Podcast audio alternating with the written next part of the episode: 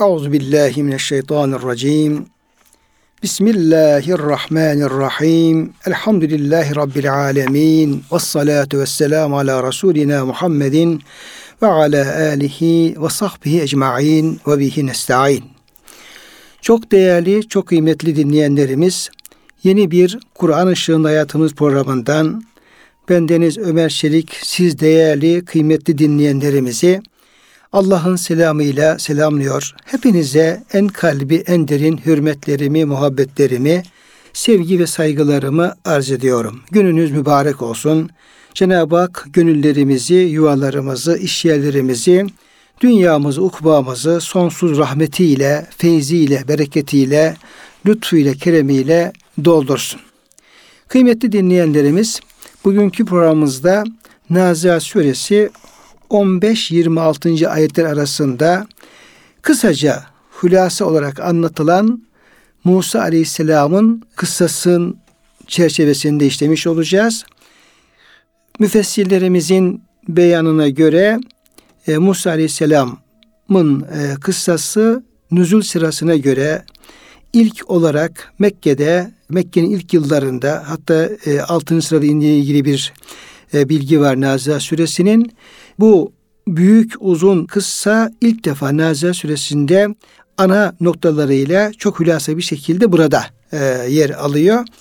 E, özet olarak kıssa anlatılıyor. Tabii ki daha sonraki inen surelerde özellikle Araf suresi, Şuara suresi, Kasas suresi gibi surelerde Hz. Musa Aleyhisselam'ın kıssası ve yine Musa Aleyhisselam'ın Firavun'da olan mücadelesi ve kıssası uzun uzun tafsilatlı olarak anlatılıyor.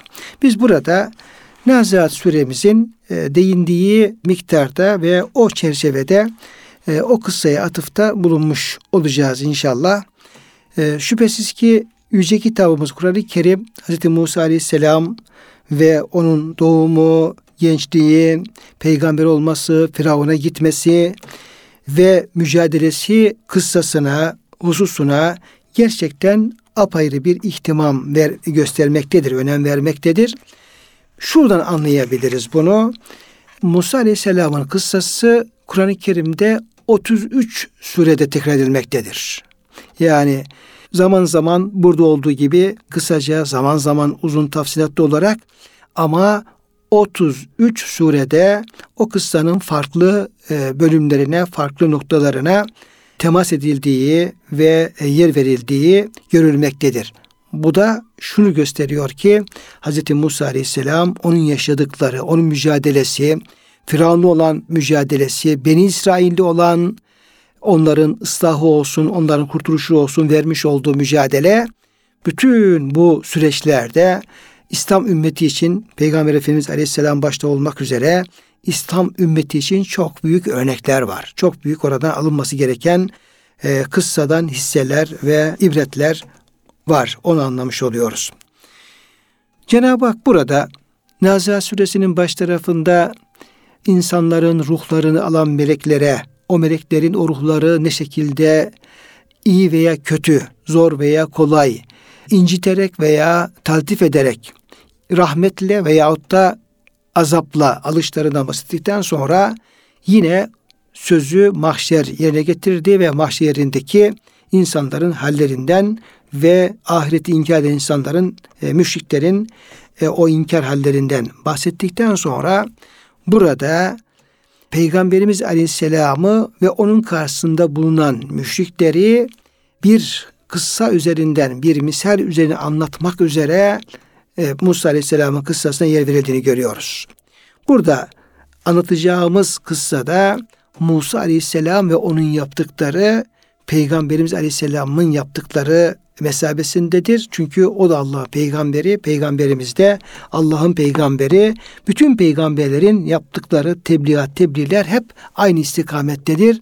Dolayısıyla Musa Aleyhisselam Peygamber Efendimiz Aleyhisselam'ı temsil etmektedir burada. Firavun ise Firavun'un inkarı, karşı çıkması ve kibirlenmesi ve Musa Aleyhisselam'la olan düşmanlığı ve mücadelesi o da yine Mekke'deki peygamberimizin karşısına yer alan müşrikleri temsil etmektedir. Dolayısıyla burada hem peygamberimize ve müminlere hem de müşriklere çok büyük mesajlar taşıyor kıssa. Ve Cenab-ı Hak şöyle e, söze başlıyor. Hel eteke hadisü Musa. Ben önce şöyle buradaki anlatıldığı şekliyle e, kısaca meal vermek istiyorum ve sonra da tafsilatına girmek istiyorum bugünkü dersimizde. Hel eteke hadisü Musa. Habibim sana Musa'nın haberi geldi mi? Ki geldi. Elbette geldi. Ben sana bunun kıssasını anlatacağım. Daha önce bazı bilgilerim var ama yeni dost doğru bilgilerle yine kıssayı sana anlatacağım. İz nâdâhu rabbuhu bil vâdil mukaddesi Tuvan. Kutsal vadi Tuva'da Rabbi ona şöyle seslenmişti. Dolayısıyla burada bir Musa Aleyhisselam'ın kıssasına dikkat çekme var. Önemli bir e, kıssa olduğuna dikkat çekme var.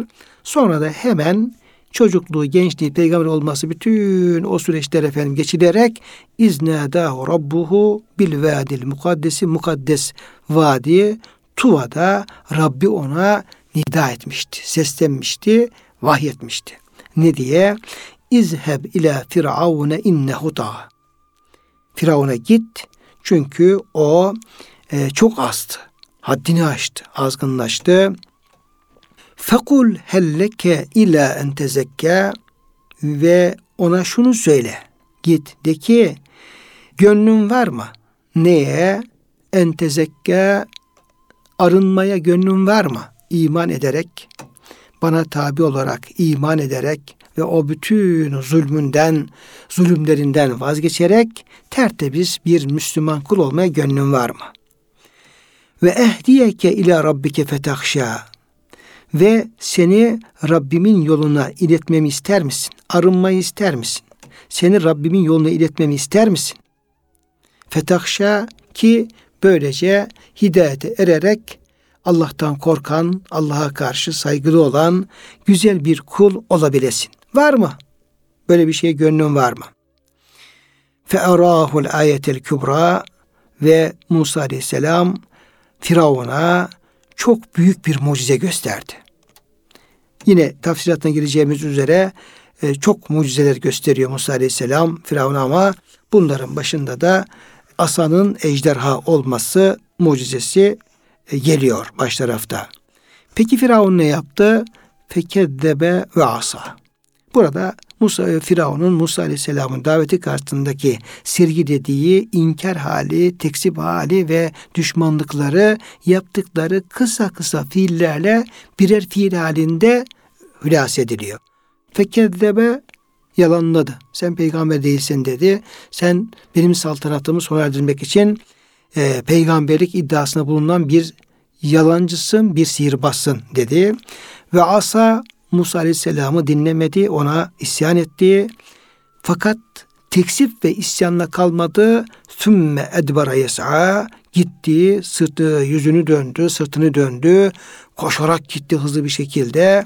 Fe haşara fenada gitti hemen efendim işte gelin benim e, tebaam e, karşımızda büyük bir yalancı var, düşman var, bizi yurdumuza çıkarmak istiyor, bizim yurdumuzu elimine almak istiyor tarzında böyle nidada bulundu ve insanları, orduların topladı. Ne dedi? Fekale ene rabbukumul ala ve dedi ki sizin en büyük Rabbiniz benim. Bu Firavun'un bu şekilde Rablik iddiası ilgili bir sözü burada geçiyor. Ene rabbukumul ala sözü burada yer alıyor. Naza suresinde 24. ayet-i kerimede ben senin en büyük Rabbinizim. Bir başka bir ayet-i kerimede de Kasas suresinde ma alimtu lekum ilahine gayri. Sizin için benden başka bir ilah tanımıyorum diye e, bir ifadede e, bulunuyor Firavun. Böyle yani e, yalanlaması, isyanı, gidip bütün halkını toplaması, Musa Aleyhisselam düşmanlık açısından ve onlara da en büyük Rabbinizim benim demesi burada tabi günahların büyük günahların hepsi e, birikmiş vaziyette böyle bir tuğyan, böyle bir azgınlık, böyle bir isyanla karşılıklı Cenab-ı Hak onun akıbetini bildiriyor. فَاَخَذَهُ اللّٰهُ نَكَلَ الْآخِرَةِ وَالْعُولَى Allah da onu hem ahiretin hem de dünyanın cezasıyla yakalayıp cezalandırdı. İnne fi zalike le ibraten limen yakşa. Bütün bunlarda Allah'tan korkan, Allah'a hesap vermekten korkan insanlar içinde çok büyük, çok e, dehşetli bir ibret vardır buyuruyor. Dolayısıyla şöyle 11 ayetlik bir bölümde ayetler Mekki süre olduğu için, Mekki ayetler olduğu için kısa kısa ama son derece etkili, son derece vurucu. Şöyle belki 500 sayfalık bir kitabın e, anlatacağı bir kıssayı burada bu ayetler 11 satırla diyelim 11 cümleyle hülasa etmiş oluyor ana noktalarıyla. Şimdi tekrar kıssanın başına dönecek olursak Cenab-ı Hak burada Peygamberimiz Aleyhisselam'a hitap ederek hel etake hadisi Musa sana Musa'nın hadisi Musa'nın kıssası geldi mi sen bunu biliyor musun bu konuda bilgin var mı diye soruyor. Burada bu şekilde başlanması kıssaya bu şekilde başlanması bu cümle kavminin yalanlamasından dolayı Peygamber Efendimiz Aleyhisselam'ı teselli etmek üzere gelmiş olabilir. Dolayısıyla bu ayet-i kerime Mekke kafirlerinin daha güçlü ve daha büyük olan Firavun'un başına gelenlerin aynısının onların da başına geleceğini bildirmek suretiyle peygamberimizi teselli etmiştir. Yani orada e, peygamberlik hizmetinde bulunan, peygamber davasında bulunan her insanın başına böyle büyük sıkıntılar gelebileceğini, geldiğini, onların da çok büyük düşmanlarla, düşmanlıklarla mücadele ettiklerini, Cenab-ı Hakk'ın peygamberlerine yardım ettiğini ve peygamber düşmanlarını da ne kadar güçlü olurlarsa olsunlar neticede helak ettiğini haber vermek suretiyle burada hem peygamberimizi teselli etmekte ayet-i kerime hem de peygamberimizin yanında yeni oluşmaya başlayan e, belki sayıları işte iki elin parmakları kadar olacak biraz daha fazla olacak Müslümanları gönüllerine su serpmek, onları teselli etmek, geleceğe ümitle bakmalarını sağlamak üzere böyle bir başlangıç yapılıyor kıssaya. Yine burada yani işte başka bir ifade değil de hel etaki sana geldi mi haberin var mı gibi bir e, ifadenin kullanılması da kıymetli dinleyenlerimiz burada e, bundan ibret al anlamına gelmektedir. Yani böyle bir ifade kullanmak bu kıssanın ibret alınmak üzere serdedildiği, anlatıldığı anlamında bize vermektedir.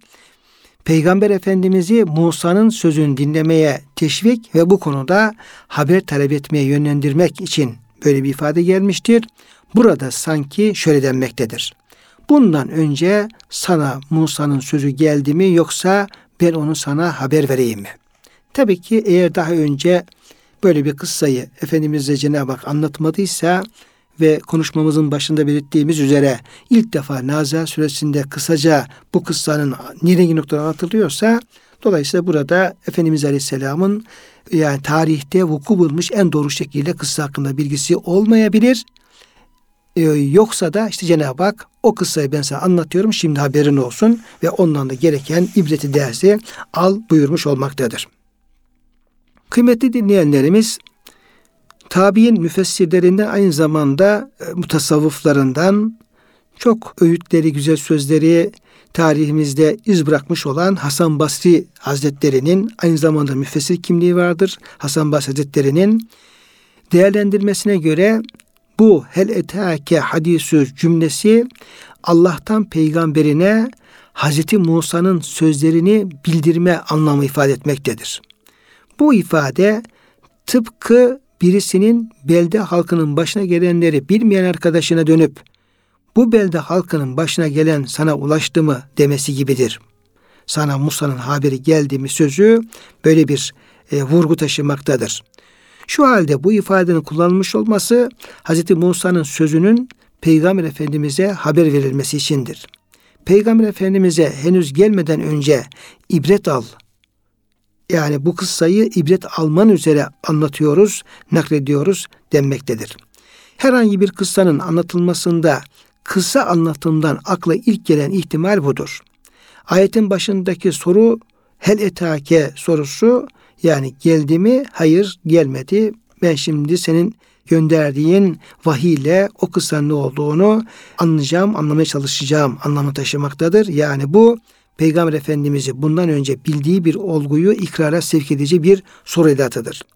Buna göre ayette Peygamber Efendimiz'e şöyle demiş olmaktadır. Musa'nın sözü sana geldi mi? Dolayısıyla buradaki kıssanın anlatılma hikmetinin e, özellikle Peygamber Efendimiz Aleyhisselam'ı ve müminleri teselli etmek, müminlere vaat edileni, kafirlere cezalarını duyurman için efendim bu kıssanın anlatıldığı burada e, dikkatlere sunulmuş olmaktadır. Evet, demek ki burada Musa Aleyhisselam'ın kıssasından bir bölüm, bir kesit anlatılacak. Peki ne oldu? O kıssa nedir? Musa Aleyhisselam ne yaptı? Ne dedi? Ne oldu? Onu e, aynı zamanda dikkatlerimizde çekmiş oldu bu ifadeyle birinci ayetle Yüce Rabbimiz. Dolayısıyla muhatap biz de diyoruz ki tamam demek ki Cenab-ı Hak Musa Aleyhisselam'ın ilgili çok ibret verici bir şey anlatacak. Bakalım ki ne anlatacak? İznadahu rabbuhu bil vadil mukaddesi tuva. Cenab-ı Hak Musa Aleyhisselam'a nida etti, vahyetti. Nerede? Bil vadil mukaddesi mukaddes vadi olan, kutsal vadi olan Tuva'da. Dolayısıyla burada Tuva ilk vahye nail olduğu e, Musa Aleyhisselam ilk vahye nail olduğu yer olarak e, Mukaddes Tuva Vadisi'nden bahsediyor ayet-i kerime ve diğer yine Taha suresinde olsun yine orada bu vadinin ismi e, yer almakta ve e, Musa Aleyhisselam'ın Cenab-ı Hakk'ın vahyine, Cenab-ı Hakk'ın nidasına, Cenab-ı Hakk'ın kendiyle konuşmasına ilk nail olduğu, muhatap olduğu yerin bu böyle bir vadi olduğu e, dikkatlerimize sunulmaktadır. Nitekim Taha suresinin yine 9. ayetten başlayıp devam eden ayet-i kerimelerde Musa Aleyhisselam'ın burada yine Cenab-ı Hakk'ın e, kelamına, Cenab-ı Hakk'ın vahyine nail olması şöyle dile getiriliyor. Hel etake ve hel etake hadisi Musa. Aynı ifade kullanılıyor. Sana Musa'nın haberi, Musa'nın kıssası, e, bilgisi geldi mi? İzra'a naran fekale li ehlihim küsû inne ânestu naran. Orada yol yolculuk esnasında eşiyle beraber e, Medyen'den Mısır'a dönüş yolunda eşiyle beraber yolculuk yaparken bir gece vakti ve soğuk bir gece hanımı da hamile olduğu rivayet ediliyor. Orada bir ateş gördü uzaktan. Fekal li ehlim küsû. Dedi ki eşine başka da kimse yok zaten. Yani doğumu yaklaşmış olan, doğuma, doğum yapacak üzere olan eşine sen şurada biraz efendim bekleyiver. İnni enestü naran ben bir ateş gördüm. Lealli atikum minha bi kabesin ev ecidu alen nari huda. Çünkü hava çok soğuk, karanlık, ışıkta yok. Şartlar da ağır. Hanım da doğum sancıları tutmuş vaziyette ve onu nasıl efendim ısıtacak, nasıl efendim doğum olacak. Dolayısıyla orada bazı sıkıntılar var. Ateşe ihtiyaç var, ışığa ihtiyaç var, ısınmaya ihtiyaç var.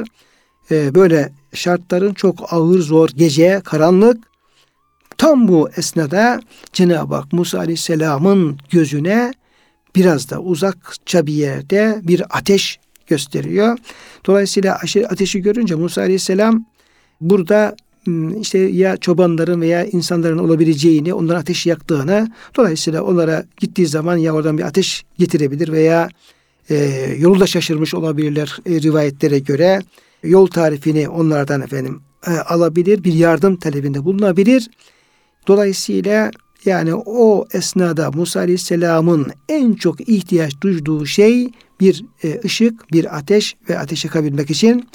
Dolayısıyla Cenab-ı Hak da onu gösterince Musa Aleyhisselam hemen bütün dikkatiyle eşine diyor ki sen burada biraz bekle ben gideyim ya o ateşten bir parça getiririm ateşi yakarım sen de ısınırsın ısınırız veyahut da ev ecidu alennâre huda veya onlar bize yine bir ateş yakmak üzere bir e, yol gösterirler, bir yardımcı olurlar diye kalkıp gidiyor. Felemma etâhâ nudiye ya Musa. Oraya gelince Cenab-ı Hak tarafından Musa Aleyhisselam'a ey Musa diye bir hitapta bulunuldu. İnni ene rabbuke fahlâne aleyk. Ben senin Rabbinim. Fahlâne aleyk e, nail nalinlerini iki ayakkabını ayağında olan nalinlerini ayakkabılarını çıkar. İnneke bil vadil mukaddesi tuva çünkü sen şu an mukaddes tuva mukaddes vadi tuvada bulunuyorsun. Şimdi dolayısıyla buradaki e, Rabbi ona mukaddes tuva vadisinde nida ettiği emriyle yine Taha suresinde anlatılan tabi kıssa aynı kıssanın efendim aynı e, bölümü e, ele alınmış oluyor. Burada yalnız e, daha tafsilat var. Diyor ki ey diyor Musa sen mukaddes dua vadisinde bulunuyorsun. Ben sana e, şimdi hitap ediyorum. Sana vahiy gönderiyorum. Çok önemli bir mevkide bulunuyorsun. E, hem mekan olarak hem makam olarak. Dolayısıyla ayakkabılarını çıkarman gerekiyor. Burada böyle bir mevkide, böyle bir makamda ayakkabılarında bulunman doğru değil ve ayakkabını çıkar diyor. Tıpkı şunun gibi kıymetli dinleyenlerimiz yani bizim eve gittiğimiz zaman hele hele mescitlere gittiğimiz zaman nasıl ki ayakkabılarımızı çıkarıyoruz. Böyle bir temizlik e, sünnetimiz var. Dinimizin böyle bir çok güzel e, bir e, nezih, temiz, tertemiz bir e, emri var, adeti var. Dolayısıyla demek ki Allah'a kulluk yapılan, Allah'ın kitabın okunduğu, Allah'ın e, vahyinin geldiği mekanlar, yerler, okunduğu yerler, Allah'a namaz kılınan yerler, secde yerlerin e, tertemiz olması, hatta ayaklardaki ayakkabıların bile çıkarılması, e, bunun belki Kur'an'ın temellerini teşkil ediyor olabilir. Böyle bir şeyi çıkarabilir. Tabii ki bu e, ayakkabıların çıkar emrinde bir işin zahiri tarafı var. Müfessirlerimiz o zahir anlamı veriyorlar. Bir de işin işaret tarafı var, batını tarafı var. Yine müfessirlerimiz e, bütün müfessirler, Fatih Razi gibi e, müfessirler bile burada işin e, bir işaret tarafı olduğunu, bir manevi tarafı olduğunu da dile getiriyorlar. Ayetin açık tarafı işte iki nane çıkar demek ki şunu anlıyoruz. Orada Musa Aleyhisselam zaten yolcu yürüyecek, gidecek mutlaka e, ayaklarına taş diken batmaması için o zamanın şartlarında ayetin naleyn dediği bir tür bir ayak giyimi ve bir ayakkabı ya da efendim bir şekilde bir e, ayağında ayağı koruyacak bir şey vardı. Cenab-ı Hak onların çıkarılması istedi. Niye istedi? Belki onlar da o vahiy alırken ona uygun düşmeyecek. Belki temizlik açısından toz olur, toprak olur, çamur olur, başka bir şey olabilir. O olabilir ve en azından nezaketen Cenab-ı Hakk'ın huzurunda ayakkabını çıkarması daha uygun olacağı için Cenab-ı Hak böyle emretmiş olabilir diye yorum yapıyorlar müfessirlerimiz. Ama buna e, işare anlamda naleyke e, dünya sevgisi, ahiret sevgisi, Allah'ın dışındaki e, varlıklara, masivaya olan e, gönlün e, bağlı, bağlantıları, e, alakaları. Dolayısıyla ey Musa sen benim peygamberimsin. Sana vahyedeceğim artık gönlünden hem dünya hem ahiret bütün bu dünya endişelerini bir tarafa bırak. Sevgilerini, bağlantını bir tarafa bırak.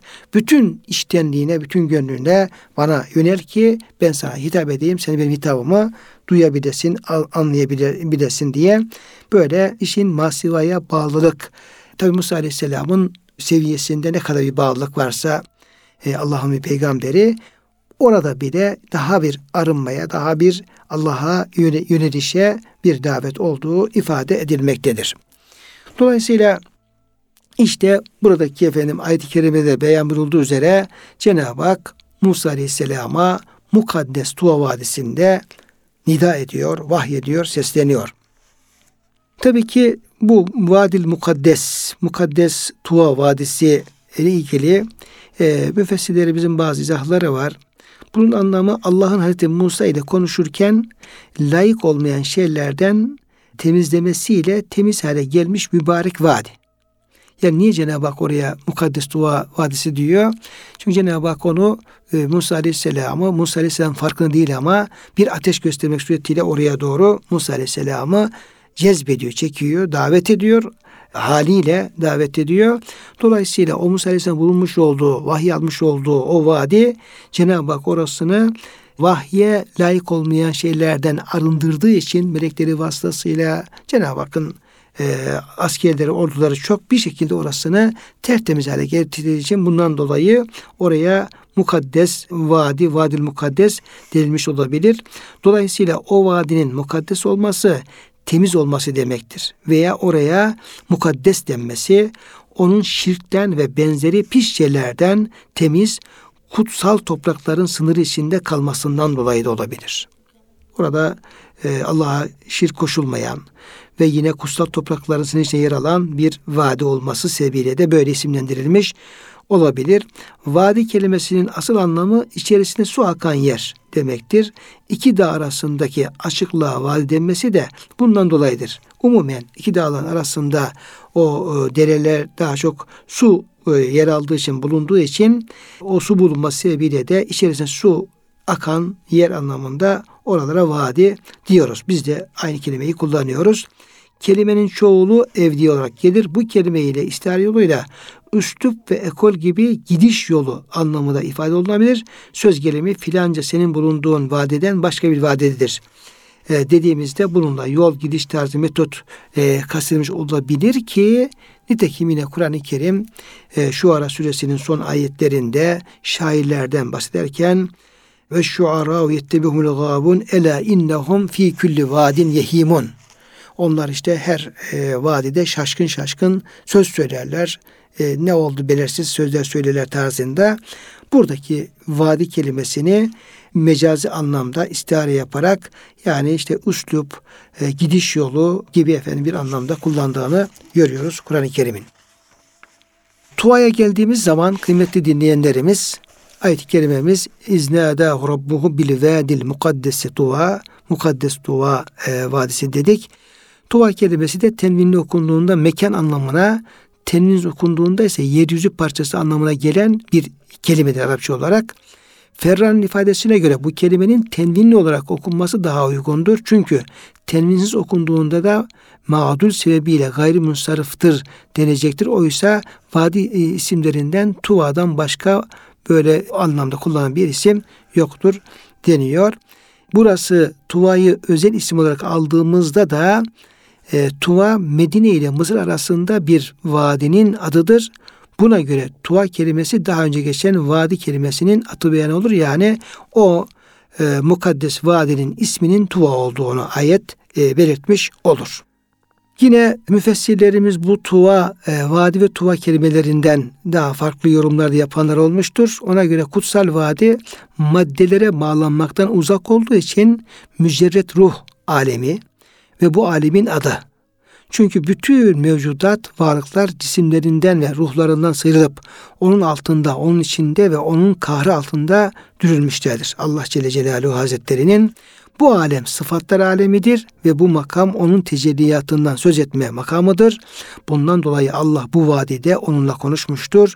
Bu dua aleminin sonu Peygamber Efendimizin Cebrail'i kendi yaratıldığı surette görmüş olduğu el ufukul ala en yüce ufuktur tarzında kaşanı tuva kelimesine böyle bir işare anlam veriyor. Cenab-ı Hakk'ın melekleriyle, peygamberleriyle konuşmuş olduğu ve peygamberlerin maddi varlıklarından sıyrılarak Cenab-ı Hakk'ın vahyine nail oldukları bir mücerret ruh haline geldikleri bir makam, bir alem olarak değerlendiriyor. Tabii ki meseleye Allah'ın bir kuluyla, bir peygamberiyle konuşması, vahyetmesi, oradaki o manevi atmosfer, peygamberin Allah ile olan e, iletişimine baktığı zaman bizim mütesavvıf ulemamızın bu kelimelere bu şekilde manevi işare anlamına yüklemesi çok uzak düşmemekte. Hatta meselenin mahiyetini kavramaya da bize yardımcı olmaktadır.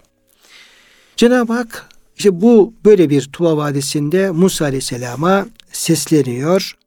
Peki ne diyor ona? Cenab-ı Hak bunu e, tabii ki daha kıssanın detaylarında önce Cenab-ı Hak Musa Aleyhisselam'ı peygamber yaptığını kendisine söylüyor. Sen diyor benim peygamberimsin.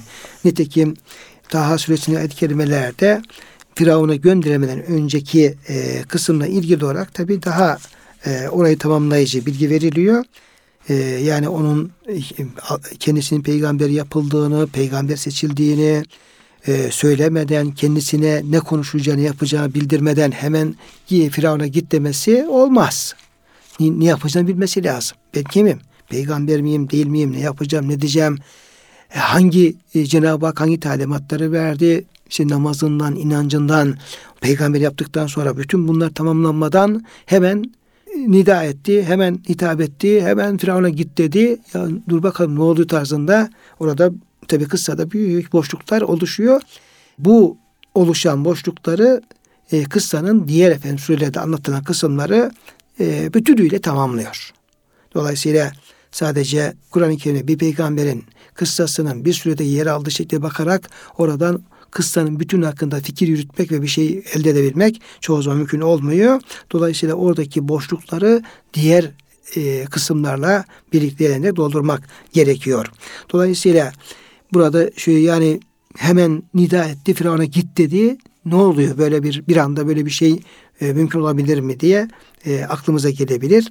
O gelmesin çünkü Cenab-ı Hak Kehf suresindeki o ayet kelimelerde işte iki ayakkabının halinden çıkar sen mukaddes Tuva Vadisi'ndesin dedikten sonra Firavun'a git demeden önce Musa Aleyhisselam'a nasıl talimatlar verdiğini görüyoruz. Diyor ki ve enahtartuke festemi' lima yuha. Ey Musa bir ben seni seçtim. Yani seni peygamber yaptım. Sen benim peygamberimsin. Seni peygamber olarak görevlendirdim. Bir. O zaman ne yapıyor Musa Aleyhisselam? Ha diyor. Demek ki Allah beni peygamber yaptı. İşler değişti. İşler bambaşka bir şekil aldı. Başka bambaşka bir hüviyet aldı. Sonra festemi lima yuha. Şimdi ben sana e, bir kısım talimatlar vahyedeceğim, bildireceğim, emredeceğim. Sen de onu can kulağına dinle. Tabii ki orada Musa Aleyhisselam'ın vahye nail olduğu o Tuva Vadisi'ndeki o halini, durumunu bir düşünmek lazım. Yani ne durumda? Yani gece karanlığı var, yalnızlık var, gariplik var, yolu kaybetmişlik var, yanında hanımı var, hanım hamile, hava çok soğuk, ısınması gerekiyor, ateş yok, yol belki efendim gideceği yol tam olarak bilemiyor. Böyle gecenin ortası, zifiri karanlık, belki kış mevsimi. Tam böyle bir şeyde Mukaddes Vadi'ye geliyor, ateşin yanına geliyor. Orada alemlerin Rabbi ona hitap ediyor, gönlüne vahiy gönderiyor. Oradaki Musa Aleyhisselam'ın haleti ruhiyesini, oradaki onun kalbini taşıdığı, taşıdığı duyguları ve duyduğu heyecanı e, onu bir düşünmek lazım, tefekkür etmek lazım. Öyle bir ortama. Yani biz biz insan olarak şöyle bir odamızda yanlış yalnız başına çekilecek olsak orada bile hemen duyguları değişmeye başlıyor. Biraz da ıssız bir yere gidecek olsak daha böyle farklı düşünmeye başlıyoruz. Gecenin karanlığında biraz daha böyle tenha bir yerde ya bir mezarlığın kenarında falan kimse olmayıp buluşacak olsak hemen e, duyguların farklı duygularımız kabarmaya başlıyor. Manevi duygularımız, korku gibi böyle ilgilerimiz. Bir de Musa Aleyhisselam gibi o dağın diyelim ki efendim e, bir tarafında ne kurt var, ne kuş var, ne in var, ne cin var. Uzak bir yerde alemler Rabbinden büyük bir sesleniş var, nida var. Dolayısıyla o da e, bir peygamberin vahiy alırken ki kalbi ruhi durumunun ne durumda olduğunu bize e, fikir verme açısından önem arz ediyor. Festemir lema yuha. Zaten orada o noktada Musa Aleyhisselam'ın bütün dinleme cihazları sonuna kadar açılmış e, vaziyette olduğunu anlayabiliyoruz. Peki Cenab-ı Hak ona ne diyor? Bir, peygamber olduğunu söylüyor. İki, vahyettiğini bildiriyor. Üçüncü olarak da neler vahyediyor? İnneni enallahu la ilahe illa ene fa'budni. Ben var ya ben, işte ben Allah'ım. Ben Allah'ım. İşte duyduğun, bildiğin herkesin aşağı yukarı bir efendim Allah inancı vardır. Musa Aleyhisselam da zaten bir peygamber soyundan geliyor. İmran soyundan geliyor. Dolayısıyla Allah hakkında, Allah'ın birliği hakkında onların efendim bilgileri var. Önceki gelen peygamberler, vahiyler e, vasıtasıyla işte senin Allah olarak duyduğun, bildiğin, inandığın Allah var ya işte o benim. Şu anda seninle konuşan o hakkında az da olsa bilgi sahibi olduğun Allah, o Allah benim. Alemin Rabbi Allah. İnneni enallahu la ilahe illa ene fa'budni. İşte benden başka ilah yoktur. Sadece ilah olarak ben varım. Emreden, nehyeden, din gönderen, vahyeden, hükmeden ve hükmüne karşı çıkılmayan tek ilah var ya işte o ilah benim fa'budni yalnızca bana kulluk yap, yalnızca bana tap, gönlünü bana bağla, benden kork, beni sev, benden başka hiçbir şey gönlünü bağlama. İtaatin, kulluğun, tevhidin bana olsun ve akimis salatini zikri ve beni anmak için namaz kıl. Burada şunu görüyoruz ki Cenab-ı Hakk'ın Musa Aleyhisselam'a ilk e, verdiği talimat, birinci talimat tevhid, Allah'tan başka efendim tek Allah var. Ondan başka ilah yok. Yalnızca ona kulluk yapılacak. Sonra hemen o kulluğun tevhidin en önemli yansıması tezahürü Musa Aleyhisselam'da da ve akimus salatini zikri benim beni anmak için namaz kılacaksın. Beni namaz kılarak anacaksın. Namaz için anabilirsin. Yani Allah'ın zikri için zaman, mekan e, sınırlandırması yoktur. Her yerde, her zaman kul Rabbini anabilir. Hiçbir zamanda aklından çıkarmayabilir, çıkarmamalıdır. Ama namaz kılarak Allah'ı anmak o çok büyük bir zikirdir. Belki Cenab-ı Hakk'ı zikretmenin bütün e, vecihleri, vücuhatı, yönleri, çeşitleri, şekilleri namazda bir araya gelmektedir kıyamında, rükûsunda, secdesinde, tesbihatında, kıraatinde bir yere gelmektedir. Dolayısıyla Cenab-ı Hakk'ın Musa Aleyhisselam'a sen peygambersin dedikten sonra vermiş olduğu talimatın birincisi tevhid, benden başka ilah yok. İkincisi Allah'a kulluk, kulluğunda en önemli şartı namaz. Dolayısıyla namazın ta Hazreti Adem'den bütün peygamberlerde, Efendimiz'de Allah kulluk açısından çok önemli farz olduğunu burada anlamış oluyoruz. Ve namaz kılmanın esas hedefinin de Cenab-ı Hakk'ı kalbimizde, zihnimizde anmak, hatırlamak, oradan çıkarmamak, onun azametin büyüklüğünü ve hep onun e, zikrinin kalbimizde olması. Ve verdiği üçüncü talimat inne saate latiyetun kıyamet. Kıyamet saat yani kıyamet mutlaka kopacaktır, mutlaka gelecektir. Ekâdu uhfiha ama ben onun vaktini gizliyorum. Kıyamet mutlaka gelecektir. Ben onun vaktini gizliyorum. Kimden? O kadar gizli ki bütün her şeyi bilen ben Allah Celle Celaluhu olarak neredeyse kendimden bile efendim gizli tutuyorum. Allah'ın bilmediği bir şey olabilir mi? Hayır. Cenab-ı Hak her şeyi en iyi bilendir. Allah'ın bir şey bilmemesi mümkün değildir. Buna rağmen kıyamet vaktinin gizliliğini daha etkili bir şekilde bize söyleme anlatmak için o kıyamet mutlaka gelecek ama kopuş vakti o kadar gizlidir ki ben her şeyi bildiğim halde neredeyse kendimden bile gizledim onun saatini. Bu kadar korkunç bir şeyin bu kadar gizli olması onun korkunçluğunu ne yapıyor? Daha da artırmış oluyor. Her an kopabilir. Her an kopabilir. O zaman kıyamet koptuğu zaman böyle zaman zaman başımıza gelen işte virüsler gibi, hastalıklar gibi, depremler gibi böyle ufak tefek şeylerin onun yanında bir esamesi, bir e, değeri, bir kıymeti, bir büyüklüğü söz konusu olamaz. Niye gizliyorum? Litücze kullu nefsin bima tes'a.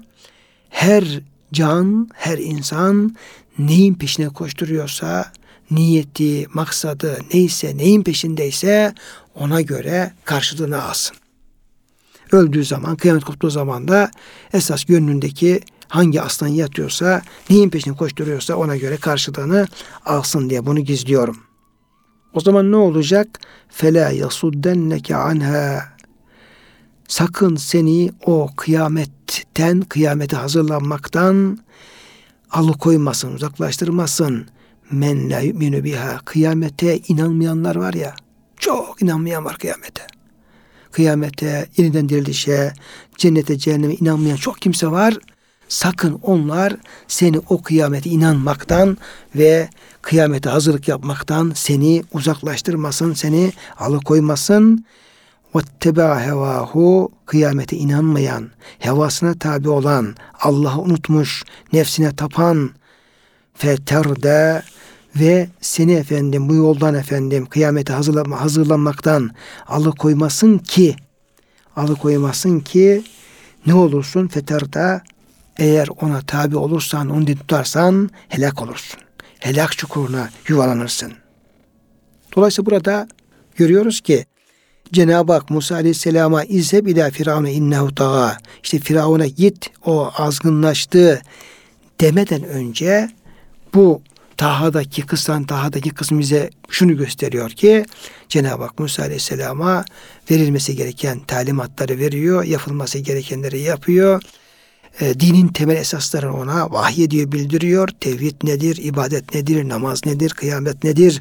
Kime uyulacak, kime uyulmayacak, kime, kimden kendimizi koruyacağız? Özellikle ahirete imanı olmayan, nefsinin zebunu olmuş insanlar aman el hazer el hazer böyle olursan helak, helak olursun diye ikazlarını yaptıktan sonra onu peygamber olarak hazırlıyor, vazifesini kendisine bildiriyor. Sonra da ne yapacak? Firavun'a gönderecek. Yetmedi. Burada Musa Aleyhisselam'ın elinde Firavun'a göstereceği deliller olması lazım. Mucize olması lazım. Bunun denenmesi lazım. Bunları da efendim farkında olması lazım. Gittiği zaman o azılı kafirin karşısında e, afallayıp kalmasın. Yani orada perişan olmasın diye bu kez ne yapıyor Cenab-ı Hak? Onu peygamber yaptıktan sonra, talimatları verdikten sonra hem Musa Aleyhisselam'ı peygamberliğe iyice inandırmak, onu pekiştirmek hem de yapacağı e, tebliğ faaliyetinde bir ikna edici, peygamber tasdik edici bir deli kullanmak üzere de ona ne yapıyor? Bir mucize veriyor Cenab-ı Hak. Soruyor. Bu mucizeyi de nasıl veriyor? Çok ilginç bir şekilde veriyor. Cenab-ı Hak soruyor. Ve ma tilke bi yeminike ya Musa. Ey Musa elindeki nedir? Musa Aleyhisselam bir e, elinde asası olan bir peygamberdir. E, çünkü uzun yıllar e, Şuayb Aleyhisselam'ın koyunlarını güttü, çobanlık yaptı.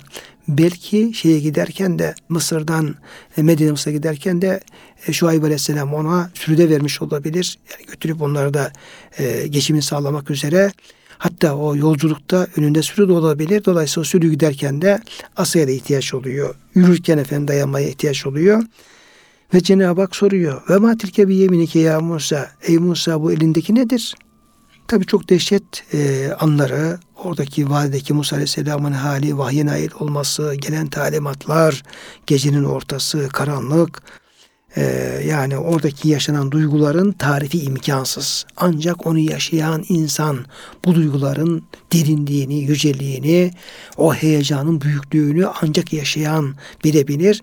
Bizim böyle oturduğumuz yerden Musa Aleyhisselam'ın o vahiy aldesindeki halini ölçebilecek elimizde ölçümüz yok tartabilecek terazimiz yok maalesef. Ama bunlar olan hadiseler, olan biten hadiseler. Dolayısıyla çok dehşetli bir ortam olduğu için Cenab-ı Hak biraz da Musa Aleyhisselam'ın heyecanını, oradaki kalbi ritmin heyecanını e, teskin etmek üzere de orada bir müdahale olduğu anlaşılıyor. Nedir elindeki ey Musa? Kale hiye asay. O benim asamdır, değneğimdir. Ettevekkü aleyha. Ben ona efendim üzerine dayanıyorum. Ve ahuşşu biha ala ganemi. Onunla koyunlarıma e, yapraklar silkeliyorum, dallara vuruyorum, hış hış ve yapraklara döküyor aşağı. Veliye fiyâ me'arib uhra. Ona benim çok, benim işime yarıyor bu şeyler, bu asa. Asa benim için çok önemli. İşime yarayacak çok şey var, çok faydası var bana var diye başlıyor Musa Aleyhisselam asanın faziletini anlatmaya. Cenab-ı Hak, Kale elkiha ya Musa. Dedi ki ey Musa onu yere bırak, at. فَاَلْقَاهَا فَاِذَا هِيَ حَيَّةٌ تَسْعَى Attı, bir de baktı ne görsün? Efendim, hızla akan, böyle jt diye hızla akan bir yılan olmuş. Yılan. Musa Aleyhisselam o güne kadar elindeki asanın ve herhangi bir asanın bir yılan olup da hareket ettiğini görmüş değil. Orada o asanın efendim yılan olup böyle akmaya, dolaşmaya, başlıyor. Başka ayet-i kerimelerde Musa Aleyhisselam bunu görünce hatta korkup kaçmaya başlıyor. Cenab-ı Hak diyor kaçma diyor. Kaçma. Allah dedi ki tut onu. Korkma biz onu yine eski durumuna döndüreceğiz. Musa Aleyhisselam tuttu eski haline geldi ama bir şey görmüş oldu. Allah murad ettiği zaman o asanın yere atıldığı zaman e, ejderha olduğunu ilan olabileceğini de görmüş oldu. Sana büyük mucizelerimizden birini daha göstermemiz için elini koynuna sok. Bir başkamız olarak alaca hastalığı gibi bir hastalık sebebi değil, bembeyaz bir halde çıksın. Sonra soktu çıkardı. Ve bembeyaz çıktı Musa Aleyhisselam'ın eli. Dolayısıyla ne oldu burada? Kıymetli dinleyenlerimiz Nazihat suresinde Cenab-ı Hakk'ın Musa Aleyhisselam'a mukaddes dua varisine ona nida etti. Firavun'a git dedi derken işin perde arkasında orada Musa Aleyhisselam'ı peygamberliğe hazırlayıp peygamber olduğunu kendisine ilan eden ve ilk talimatları veren vahiyler olduğunu ve peygamber olduktan sonra da asanın mucizevi olarak ilan olması, elini sokup onda adeta bir floresan gibi parlaması mucizelerinde verildiğini böyle bir tecizat hazırlık döneminden sonra da Cenab-ı Hakk'ın Musa Aleyhisselam'a hadi Firavun'a git diye efendim talimat verdiğini görüyoruz. Buradaki efendim ayet-i kerimede diyor ki işte sana bir de efendim bu yedi beyzayı veriyoruz. Firavun'a git çünkü azmıştır. Dolayısıyla Taha'daki bu kıssa ile Nazihat'taki burasını birleştirdiğimiz zaman Firavun'a git emri öncesinde böyle bir sürecin yaşandığını burada görmüş oluyoruz. Kıymetli dinleyenlerimiz tabii ki Kur'an kıssaları böyle birbirini tamamlar vaziyettedir Kur'an-ı Kerim'de. Hangi peygamber kıssasını ele alırsak alalım orada mutlaka o peygamberden söz edilen e, sureler, ayetler onları bir yapboz oyununun parçalarını bir araya getirir gibi bir araya getirdiğimiz takdirde o büyük tablo ve efendim e, büyük harita ortaya çıkmaktadır. Buna da efendim Kur'an-ı Kerim'in mesajının doğru anlaşılması için de ihtiyaç olduğunda görmüş oluyoruz. Bugün biz bugünkü programımızda Nazihat Suresi 15, 16, 17 ayet kelimelerde e, Musa Aleyhisselam'ın kıssasının bir girişim ayetinde e, bilgi de paylaşmış olduk. E, Cenab-ı Hak bize Kur'an-ı Kerim'de yer alan bütün emirleri, talimatları, buyrukları, kıssaları, öğütleri, nasihatleri, zikirleri, şifa olan Yüce Rabbimizin e, mesajlarını doğru bir şekilde anlayıp gereğince hem bilgilenmeyi hem irfan sahibi olmayı hem amel sahibi olmayı Cenab-ı Hak bize lütfesin diyor. Hepinizi hürmetle muhabbetle Allah'a emanet ediyorum.